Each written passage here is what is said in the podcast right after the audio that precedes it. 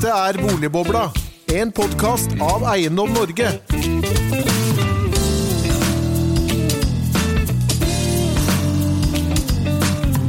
Hjertelig velkommen til en ny episode av Boligbobla, denne gang om Boligbok spesial.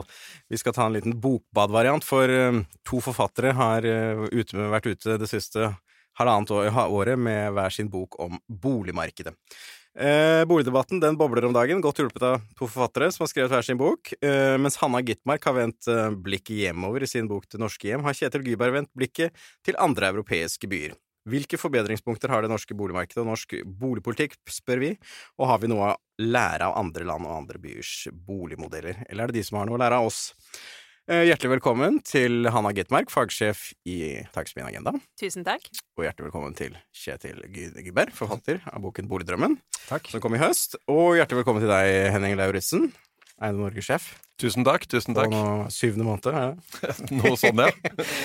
Eh, boligmarkedet har kokt eh, gjennom sommeren. Eh, nå har vi lagt bak oss august. Hvordan ser, ser det ut? Det har jo vært litt spennende nå, fordi eh, det var veldig stor aktivitet på, eh, på boligmarkedet i sommer. Og så er spørsmålet hva som har skjedd videre. Og, og da kan jeg egentlig begynne med det som er helt normalt, og det er prisutviklingen. Eh, Boligprisene i august de utviklet seg eh, med at de steg 1,1 Eh, og det er 0,3% eh, sesongkorrigert, altså 0,3% utover det som er vanlig. Det er ganske flatt. Ja, så Der kan vi si at der er det normalutvikling til august å være, og det, det er jo bra. Så, så har det blitt solgt 10,2% flere boliger enn det som er vanlig for august, så det er kanskje det unormale så oppi veksten i antall eh, transaksjoner, den fortsetter altså. Veksten i antall transaksjoner fortsetter, og dette er en utvikling vi har sett de siste månedene.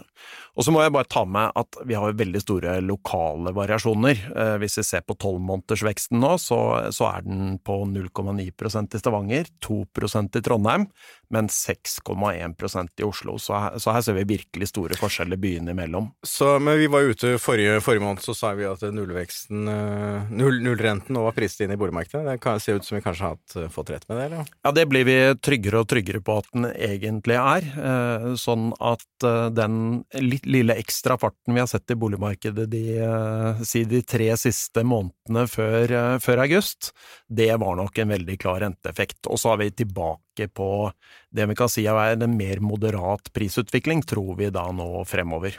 Men uh, dette betyr jo det at eh, Eiendom Norge, da vi kikket inn i krystallkulen altså i desember, vi ser ut til å treffe ja, rimelig bra på prognosen hvis vi nå skal få en normal høst i boligmarkedet. Altså, boligprisene faller jo alltid om høsten. Ja, da, da regnet vi jo med en, en vekst for året på, på ca. 3% men, og da, da tok vi overhodet ikke Ikke korona i betraktning.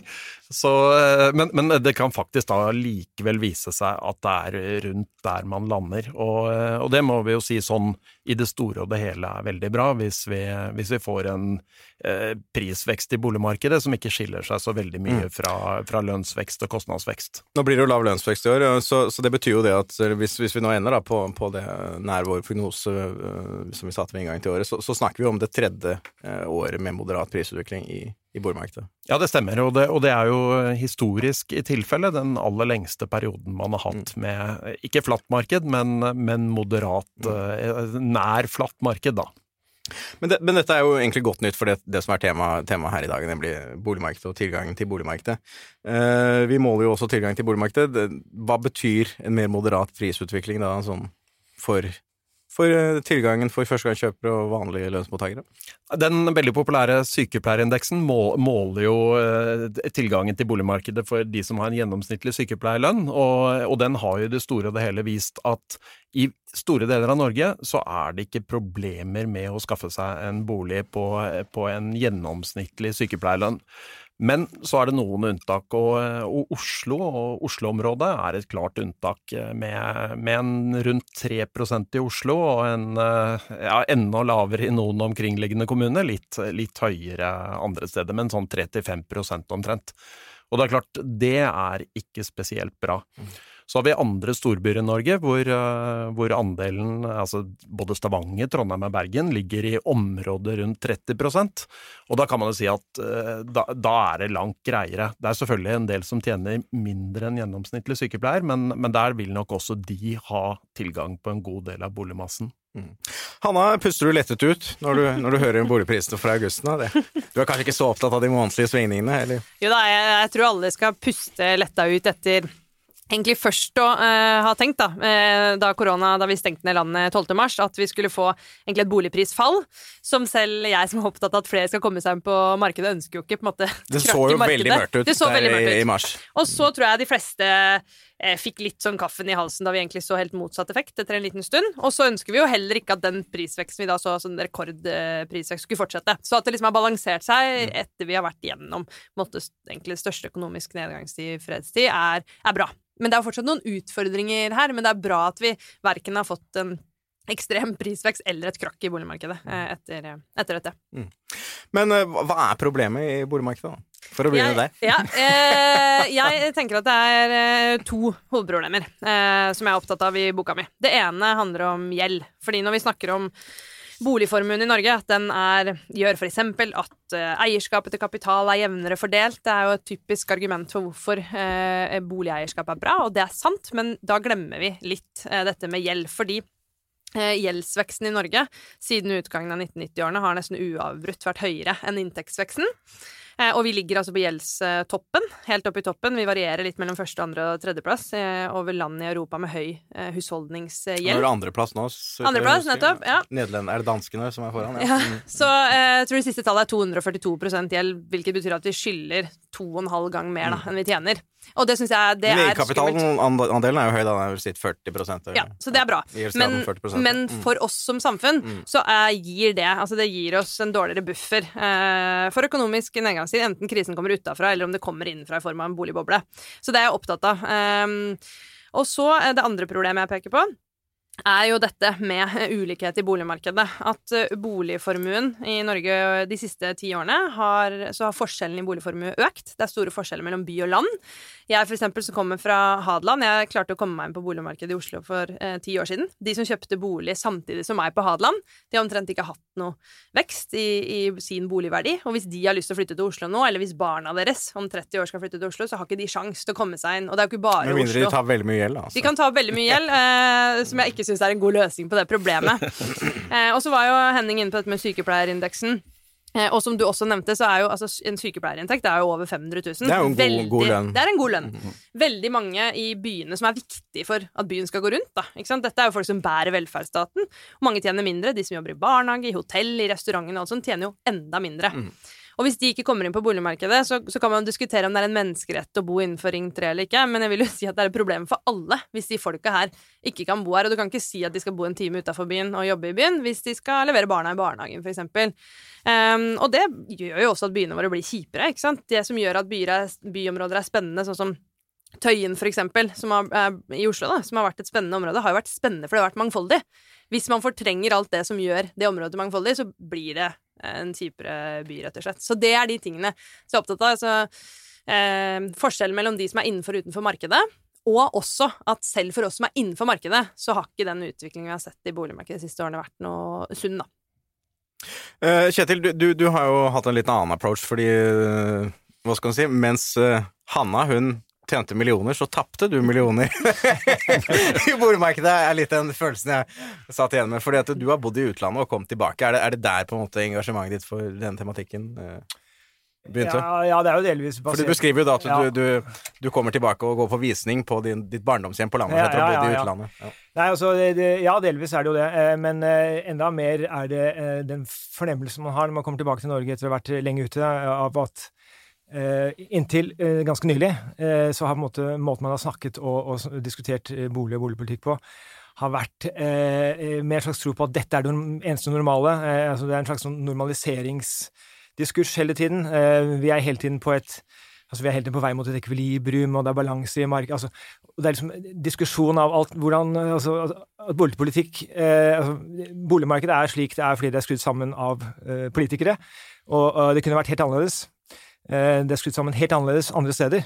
Så du kan si mye av mitt utgangspunkt var jo nettopp å, å sammenligne eh, eh og på en måte avnaturalisere eh, eh, norsk boligpolitikk gjennom å se på hvordan man faktisk løser dette her i, i byer som det er verdt å sammenligne seg med. Og hvilke byer er det da du ja, nei, mener altså- det er verdt å sammenligne? Ja, nei, jeg, jeg tenker at de, de mest naturlige byene å, å, å, se til er jo København og, og Wien særlig. Delvis også Zürich. Uh, som jeg bruker uh, Du skriver også om London? Ja. Jeg, jeg, skriver også om London, og det er også ting å hente fra London, men jeg vil nok si at København, Wien, delvis Zürich er kanskje de stedene hvor man kan lete etter løsninger som som, som garanterer, faktisk, og det er i hvert fall København og Wien, og det er litt av det er en hovedpoeng her. altså Akkurat som du var inne på, Hanna, så er det jo dette med at sant, vi, byen har godt av at vi har et mangfold. Det er godt for økonomien, det er godt for uh, miljøet, uh, at vi bor tett osv. Altså en ting er at vi, vi, skal vi skal på en måte uh, vi skal bygge mer, og vi skal gjøre alle de tingene. men så er det også dette med at vi, vi, vi, trenger på en måte vi trenger en, en tredje boligsektor, vil jeg si, da, som, som er med på å, å garantere at de som, som du var inne på, som, som tjener betydelig mindre enn en 550 000. Altså, gjennomsnittslønnen innenfor eh, handel- og servicenæringer i Oslo er 400 000. Mm. Eh, og, og, jeg tenker at uh, det, ikke sant, uh, i København og Wien da, så har man faktisk et system som gjør at man, man kan garantere at, at de ned, selv nederst på lønnsstigen faktisk har et godt, trygt hjem å bo i, hvor de ikke betaler mer enn 30% av sine inntekter i måneden, eksempelvis. Så jeg er opptatt av at vi skal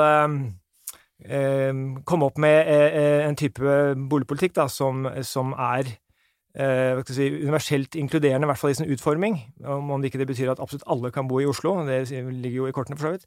Men i hvert fall Men, men, men, men alle, altså, alle, inntektsgrupper, alle inntektsgrupper mm. skal kunne bo i Oslo. Mm. Og, og, og det, det, er det jeg er interessert i, da. Og det er, ja, det er, dette gjelder, som du var inne på innledningsvis, dette gjelder jo spesielt Oslo åpenbart. Eh, eller østlandsområdet, da. Ja. Eller østlandsområdet med, med Follo og uh, Asker og Bærum, eh, ikke sant. Uh, og når du snakker om eh, var det 6,1 eh, årlig vekst, var det det i Oslo? Ja, eller PT, da. Ja, ja, Siste tolv månedene. Siste tolv måneder. ikke sant? Så er vi tilbake på ikke sant? Det, vi har, det har jo ligget snitt på rundt 6 prisøkning. Ja, det er høyere enn resten av landet, og det er høyere enn prisøkning. Og der har det ligget liksom i 25 år, og det må si, godt over lønnsinntekter osv. Og, så og det er klart, eh, å kalle det normalt, eh, det er en, eh, det er en sterk fordreining av begrepet normalt. Mm. Men, men, det er jo på en måte dette er noe av det som er interessant med boligmarkedet eller boligpolitikk også. Det er jo, er jo at det er mange virkeligheter som, som møtes, ikke sant. Når, når man, eh, du, du, du, polemiserer jo litt mot de som snakker om likevekt og normalisering og sånne ting. Poenget er jo det at boligmarkedet er jo også en av de veldig viktige makroindikatorer, ikke sant. Så det, de, de vokabulæret der, det kommer jo fra makroverden. Også samtidig så. Eh, krasjer dette med, med, mm, forbrukerinteresser, med politiske interesser eh, osv. Men jeg bet meg litt merke i det, det fra London. for det at, eh, i boken din fordi at uh, London har jo hatt altså en vanvittig boligprisvekst altså gjennom mange, mange år. Mm. Uh, og samtidig så har jo da London, eller England, og det jo, har jo hatt veldig høye eierandeler. Hva er det som liksom har skjedd i, i London? Og, og, hva er det som har kommet ut av modeller? Uh, Nei, altså det, det, det, det som er altså Altså, man har jo en, en gjennomgående satsing på eierlinja i, i Storbritannia, eh, som man har i, i Norge. Og, og det, det, kan si, altså, der har det jo vært eh, si, en, en, total kollaps, egentlig, hva, hva, gjelder det å få folk inn i, i selveide boliger eh, over tid. Altså, det, det, faller jo altså, Fra midten av 1990-tallet så har det for, for, unge mennesker så har det falt ett prosentpoeng Eh, eh, i året, altså andelen av unge andelen ja, under 34 eller noe sånt, som, som eier selv, eksempelvis, og nå er man nede i noen og 20% eller noe sånt, mm. eller enda litt mindre. Eh, interessant nok, Oslo ligger på akkurat samme kurven. Ja, det vi, vi, faller 1 i året. Vi ligger et tiår etter London, eh, kan du si. Eh, men eh, det, det, er Eh, så du kan si, det, det, Der har man jo eh, langt eh, altså For først så har man jo historisk sett en, en, en sterk altså en helt annen Man har jo en sterk utleiesektor, kommunal utleiesektor. Mm. Så har man også en sterk tredjeboligsektor. Altså en, en, sektor som brukes av det offentlige til å nå boligpolitiske mål eh, gjennom eh, tilskuddsordninger eh, og, og også delvis planverktøy. Da. Og der har man da altså, Du kan si det som kan være interessant å se til når det gjelder London, tenker jeg da, for altså, jeg tenker at det det handler om i Oslo, er å bygge opp igjen en, en, boligstige.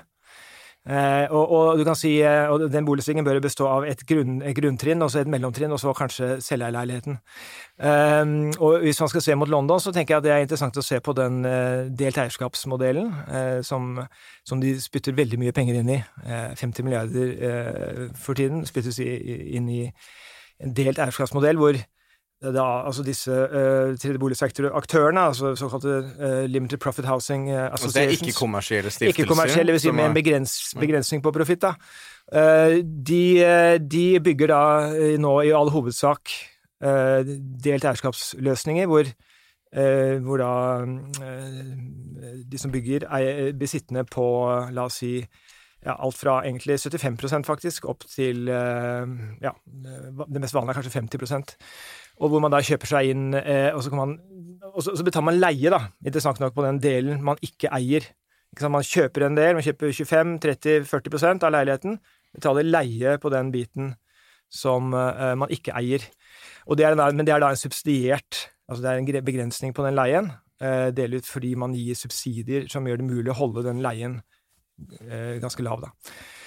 Så dette er jo en interessant Hvis man skal være konsekvent når det gjelder eierlinja, Vel, så har man jo pøst inn masse penger i dette her, eh, også i Norge.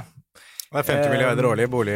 Ja, det kan vi kanskje knype litt i og med at London er litt større enn Oslo. Men, eh, men, eh, det er klart det er, Og det er jo interessant at Obos ikke sant? Eh, Obos er jo inne på denne tanken i, og prøver, prøver jo for tiden å, å få noe tilsvarende, men da uten, uten tilskudd i første omgang. Da, ikke sant? Og så er det spennende å se hva det blir ut av det. Mm. Hva det blir i realiteten, om det faktisk blir en bra balanse mellom eh, det du betaler i leie, og det du faktisk betaler i, i, i eh, rente på lån osv. Så, videre. så Hanna, du, du vil ikke altså eierlinjen til livs når du selv om du er opptatt av gjelden? Uh, ja, jeg Altså Det jeg skriver i boka, er at jeg mener, og det tenker jeg også er litt sånn til dere, jeg mener at eierlinjen er betydelig oversolgt i den norske debatten.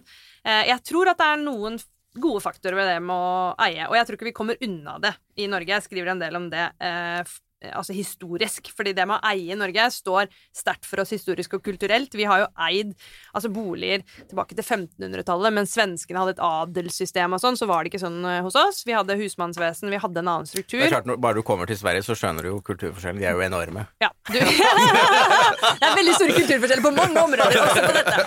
Men, eh, men i tillegg så altså, ikke sant, På slutten av 1800-tallet så var det knytta til å stemme, det å eie. Mm. Så vi har, sånn kulturelt så har det vært viktig for oss. Og selvfølgelig Eh, etter andre verdenskrig ble jo på en måte det kongstanken for norsk boligpolitikk. Så jeg tror det sitter så hardt i oss at det kommer vi oss ikke helt unna.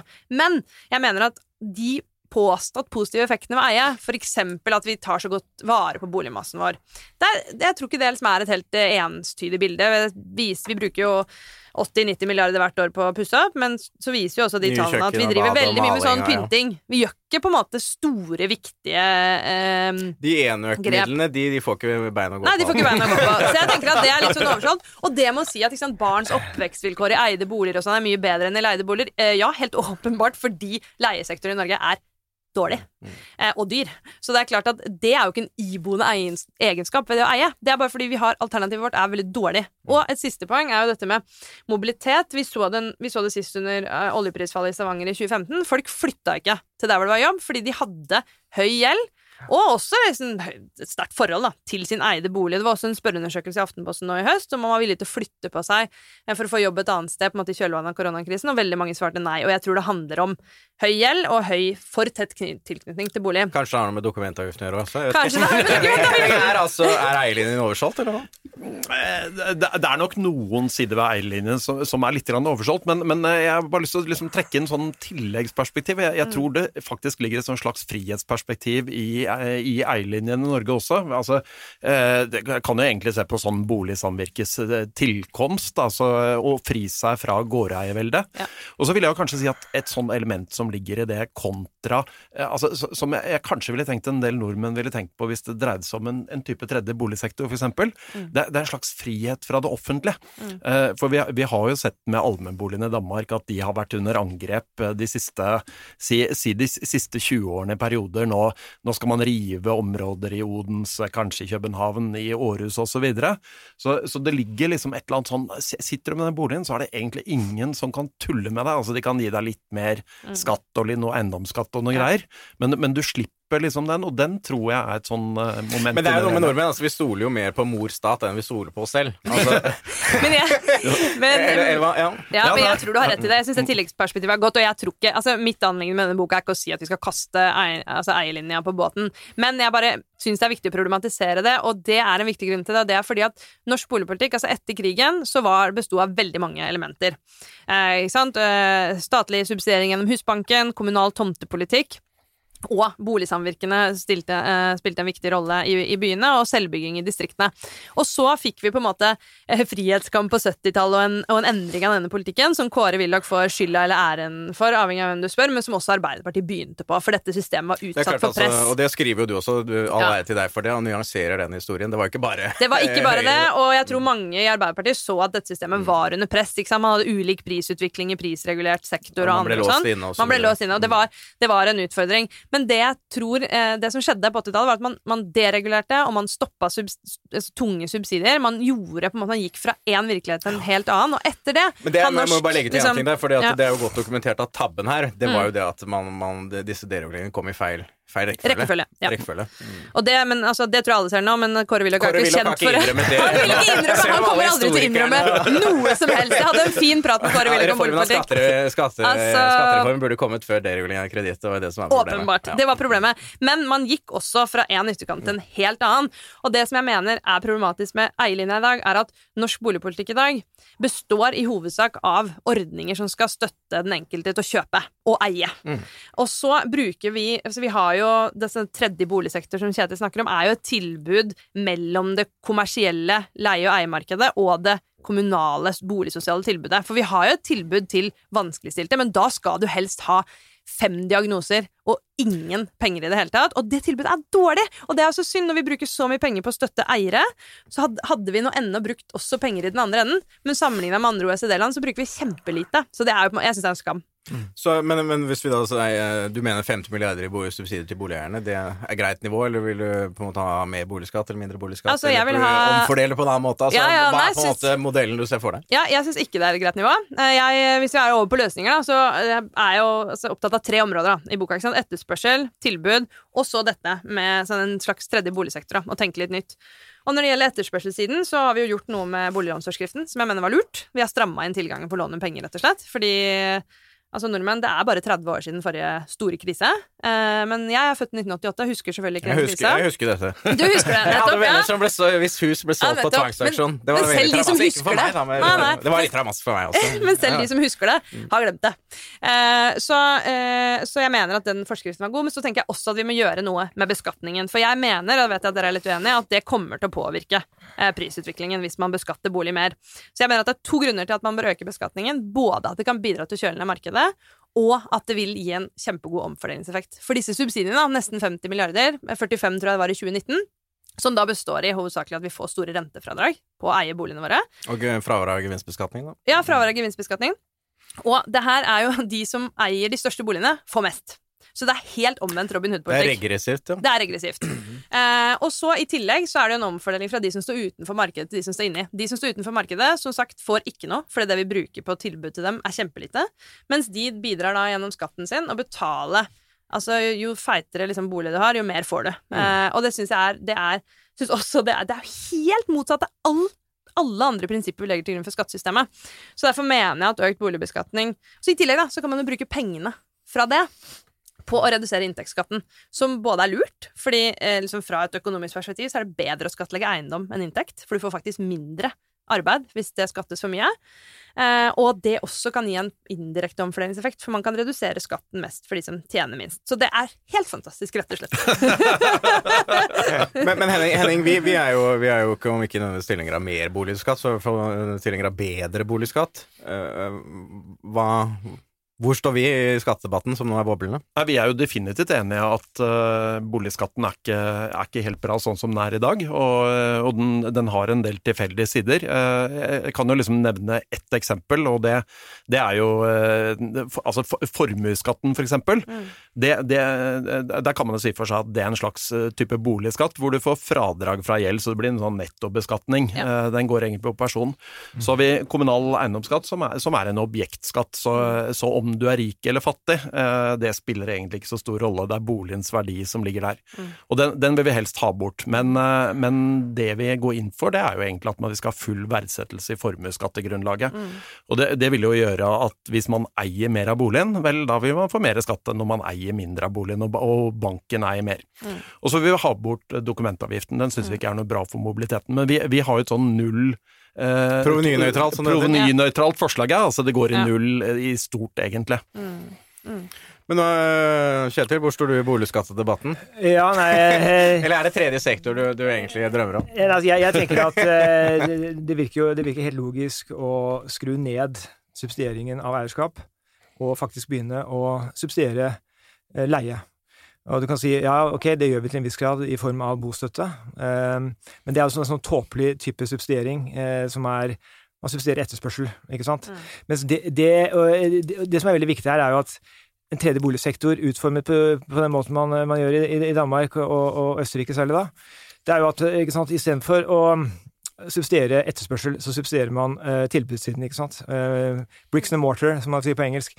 Så det går inn uh, man gir eh, tomter til under markedspris. Eh, man gir tilskudd, eh, gunstige, eh, gunstige, byggelån.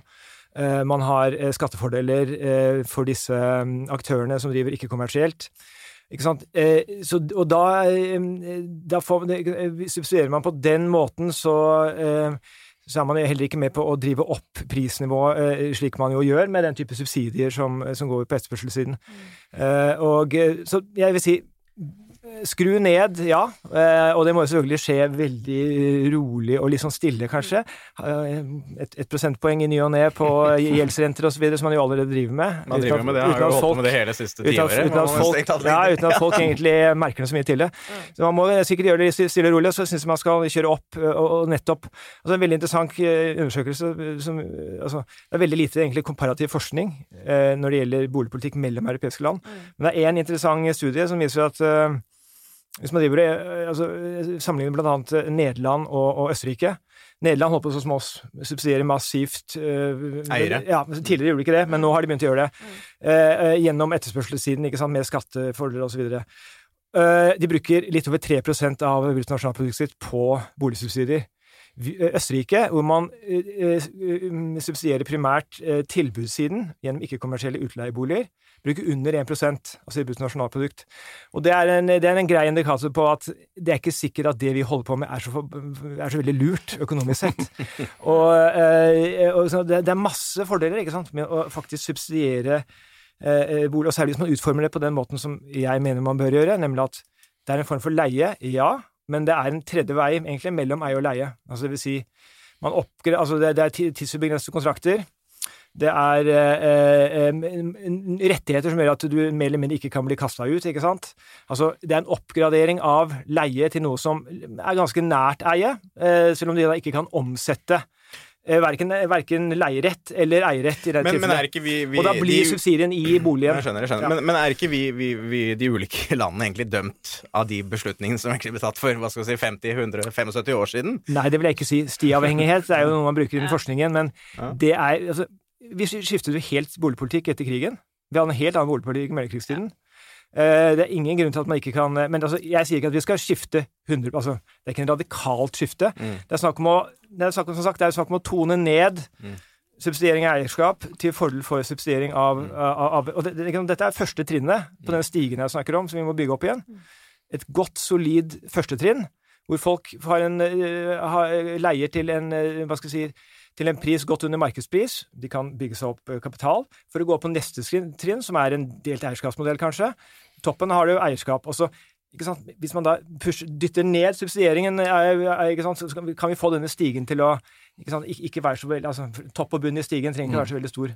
Nei, og jeg, men jeg tror bare det siste der er avgjørende, for det som er Jeg har Først var jeg litt skeptisk til sånn tredje boligsektortiltak eh, som dette, for jeg tenkte at hvis man på en måte bare lapper med ordninger, og i hvert fall sånn som det har vært ofte i sånn Oslo kommune, og det er sånn små pilotprosjekter og sånn, så hvis man holder på sånn uten å gjøre noen strukturelle grep i det ordinære markedet, Altså i, Så- i skatte... ja, i skattesystemet. Og, og tilbudssiden, Og som, jeg også, som vi også må snakke om. Selvfølgelig, Ja, skal- som dere er opptatt av. Det skal vi komme til. Men man, må, man, man kan ikke bare holde på i den ene enden. Man må, gjøre, man må gjøre også noe med det ordinære markedet som kommer til å være størst, tror jeg, eh, på sikt. Og så tenker jeg til det spørsmålet ditt om om vi må leve med valgene som er tatt før. Nei, da tenker jeg man har lite tro på politikken. Og akkurat som Kjetil sa etter krigen, altså på Grini Og jeg håper jo ikke det må en krig til, da, for at vi skal liksom tenke Men på Grini satt altså Einar Gerhardsen og en av grunnleggerne av Obos, ehm, Martin Strandli og Karsten Boysen, som var arkitekt, satt altså uh, og tenkte helt nytt. La kortene helt på nytt, og la grunnlaget for liksom Husbanken, kommunal uh, tomtepolitikk og uh, boligkooperativenes eh, rolle. Altså gi skjul for fangevokterne på Grini. Da var det krig. Nå er det litt lettere for oss, så jeg tenker at politikerne må klare å, å løse det som tross alt er en mindre utfordring nå da, enn det var da. Men Henning, er, er, er det mulig å etablere en sånn tredje sektor? Altså det, det som jeg tror er det største problemet, er jo skaleringen. Og, og jeg har jo hatt gleden av å jobbe mye med dette opp gjennom årene, og, og, og ser jo at i, i veldig mange av de modellene man har, så, så sliter man med skaleringen. Og, og, det, og det er klart, finansieringen er et spørsmål. Mm. Det er jo kanskje det største problemet for, eh, for det offentlige.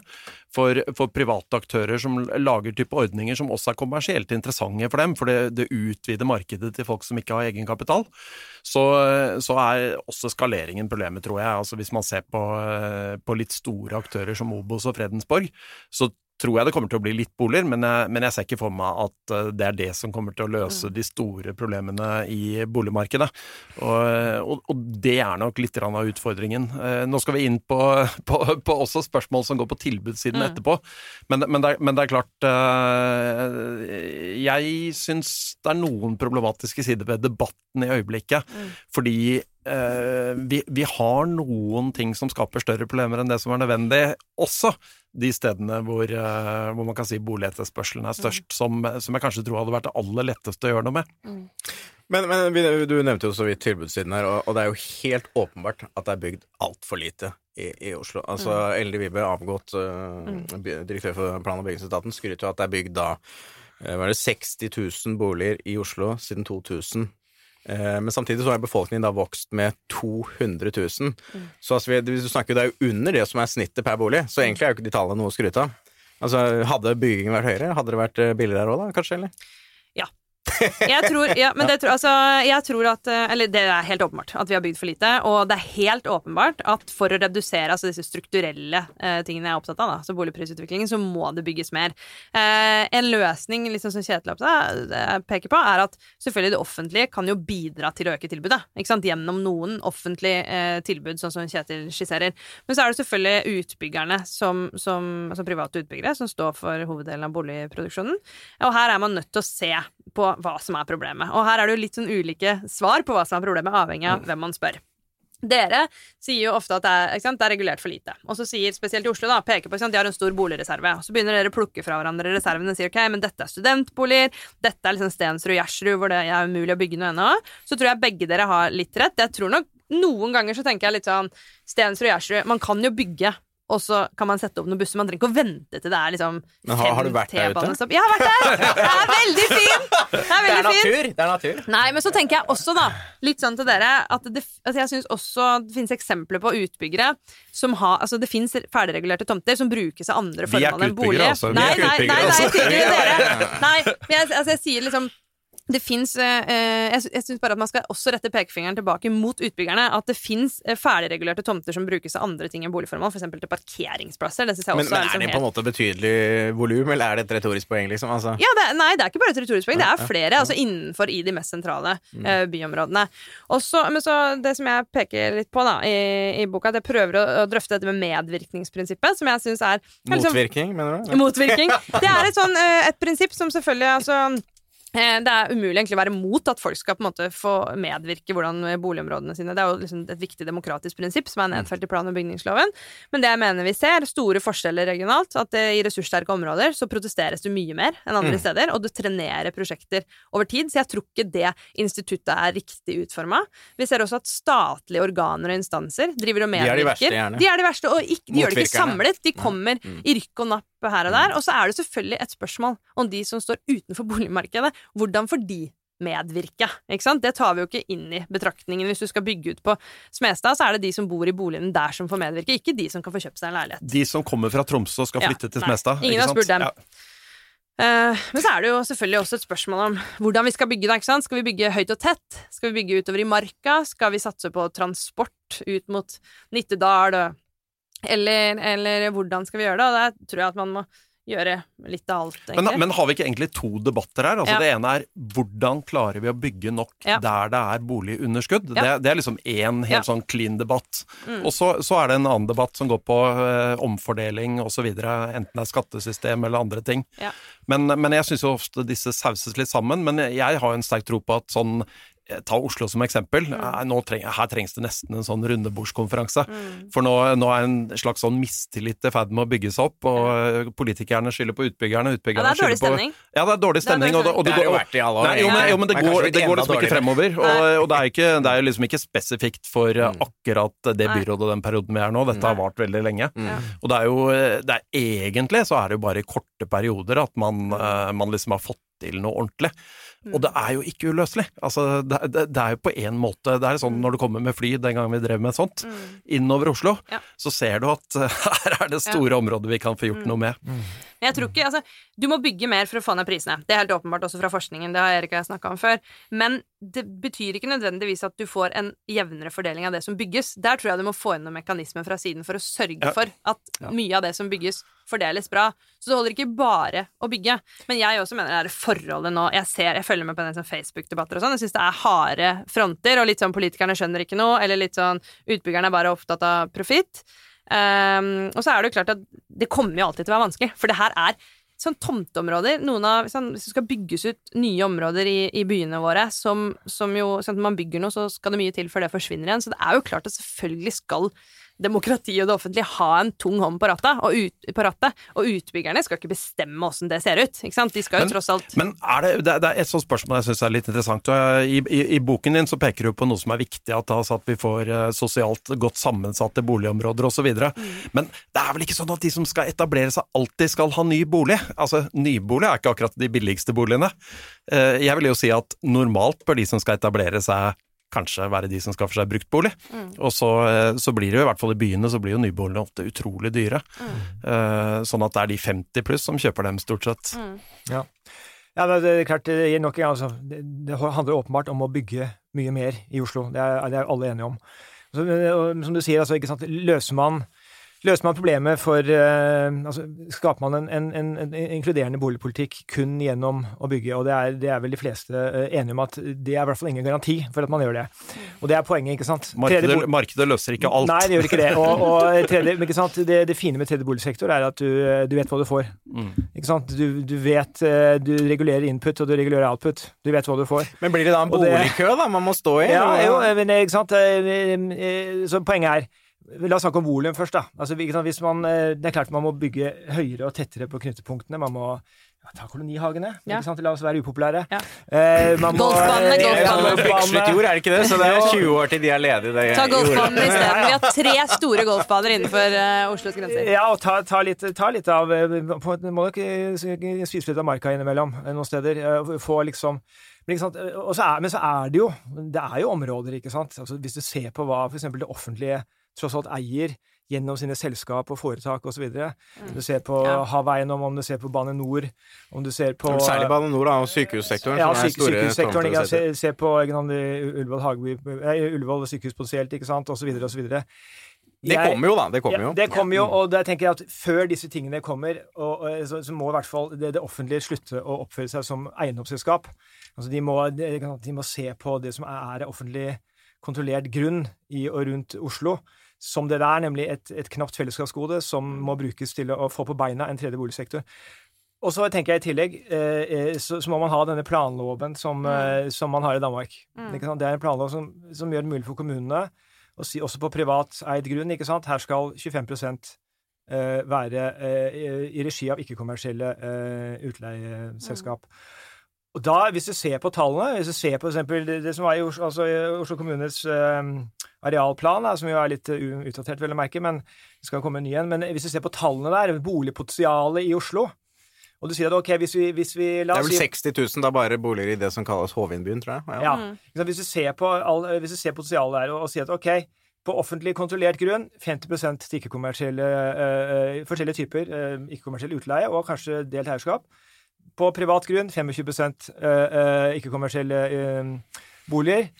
Hvis du ser på tallene, så vil det kunne bety at når det potensialet som er definert der, er litt sånn, ikke sant, men så vil man kunne snakke om at, at, at en slik sektor utgjør kanskje 10% Hvis vi tar med den kommunale sektoren i dag, som er på 3 For det er naturlig å tenke ha, da, de hvis du skal ha 10% av boligmassen i Oslo som er innenfor en sånn sektor, så er det 30 000-40 000 boliger. Det er Ja. jo betydelig antall. Definitivt. Men da, ikke sant, altså det er, eh, med en sånn strategi så er det fullt mulig. Og den, altså, det er gamle tall, og det er klart hvis man, begynner, hvis man redefinerer boligpotensial i Oslo, med kolonihager og så videre, så er det klart at mulighetene her Men før man gjør alt dette her, så må man ha en modell for en tredje boligsektor som sikrer at dette, denne utviklingen ikke kun kommer de som allerede har tilgang, har mye til gode, men at det kommer alle innenfor lønnssystemet, rett og slett. For det er det vi snakker om. En stor del av lønnssystemet Men- er priset ut. Men, men Sverige og Danmark valgte jo en litt annen vei enn Mm. oss, både med, med svenske allmennyttan og, og allmennboligsektoren i Danmark. Og, og akkurat som man kanskje kan si at eh, vi av og til støtter på problemer i våre modeller, så, så har jo de også støtt på problemer med sine modeller. Og eh, ja, Nå snakker vi om Danmark, det er jo et eksempel. Hvordan ser du for at vi skal unngå noen av de problemene de har gjort i Danmark? Fordi der har de jo hatt en del områder som, hvor de har fått eh, Altså, de mener det er for stor konsentrasjon av allmenne boliger. Ikke sant? Det, er, det er den historiske feilen man gjorde i alle land for, for så vidt eh, etter krigen, altså i 50-, 60-, 70-tallet, at man bygde én type disposisjonsform massivt, at mange tusen Drabantbyer, typ. Drabantbyer Liksom. og så videre. Men ikke sant, sånn som man bygger nå, eh, sånn som man, sant, altså med denne planloven blant annet, så får du jo 25% inni 75 av noe annet, om du vil. Altså, eh, det, Måten man gjør dette på nå, er jo at, eh, at, man har forskjellige disposisjonsformer i alle prosjekter, ikke sant? Mm. eh, I forskjellig grad. eh, eh, Så så akkurat det, det, det gettofiseringsproblemet, det er helt borte eh, med den modellen som vi snakker om her.